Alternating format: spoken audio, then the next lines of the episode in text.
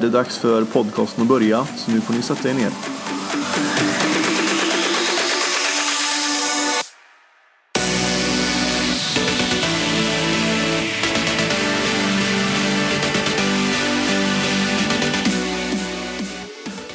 Idag är det första mars och det är även första torsdagen i mars. Den här dagen har kommit att bli Sveriges kanske nyaste inofficiella högtidsdag med ursprung i Småland.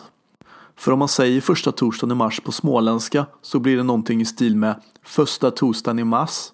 Ursprunget tros vara ett syskonpar i Stockholm med småländska rötter. När de ombad sin faster att säga första torsdagen i mars så tyckte de att det lät roligt. 2010 skapades en Facebookgrupp med namnet och när första torsdagen i mars inföll 2010 så hade gruppen fått 500 medlemmar.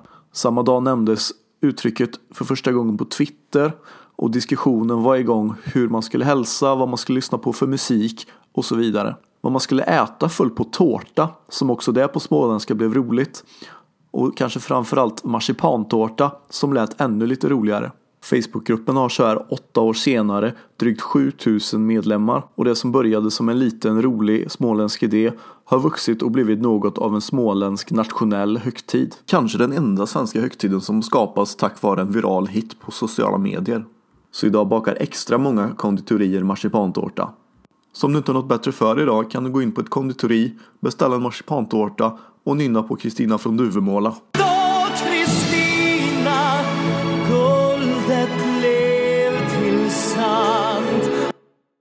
Idag är det krama en bibliotekariedagen. Varifrån ursprunget till dagen kommer är oklart men den firas för att uppskatta det som bibliotekarier gör och för den nyttan som bibliotek bidrar med.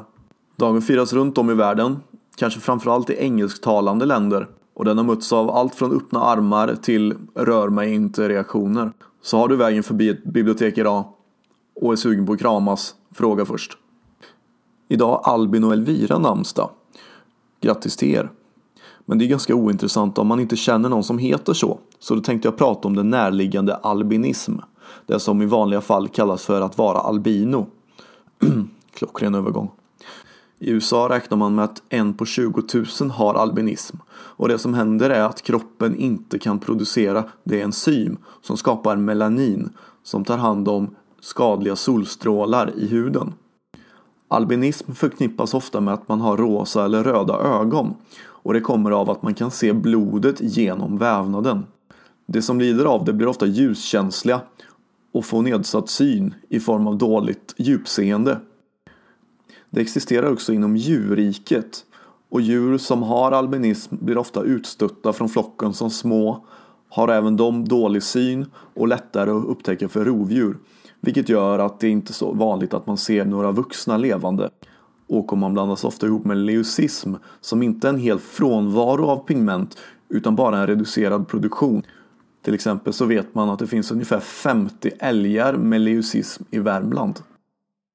Löparen Mustafa Mohamed fyller 39 år idag. Grattis till honom. Och även våran favoritartist Justin Bieber fyller 24 idag.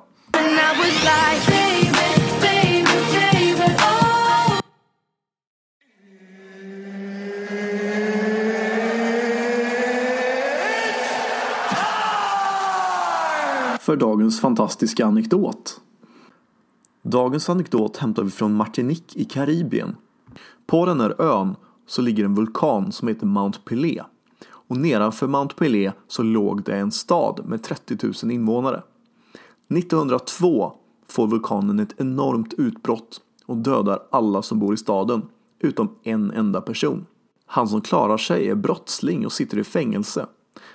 Precis innan utbrottet så har han stabbat en fängelsevakt i kinden med en penna och därför blivit satt i isoleringscell. Isoleringscellen är uppenbarligen det säkraste stället i staden och därför klarar sig mannen. Han blir sedan något av en kändis och slutar sina dagar med att jobba på en cirkus. Det var dagens avsnitt och ni får ha en fantastisk dag så syns vi nästa gång. Ha det fint. Hej!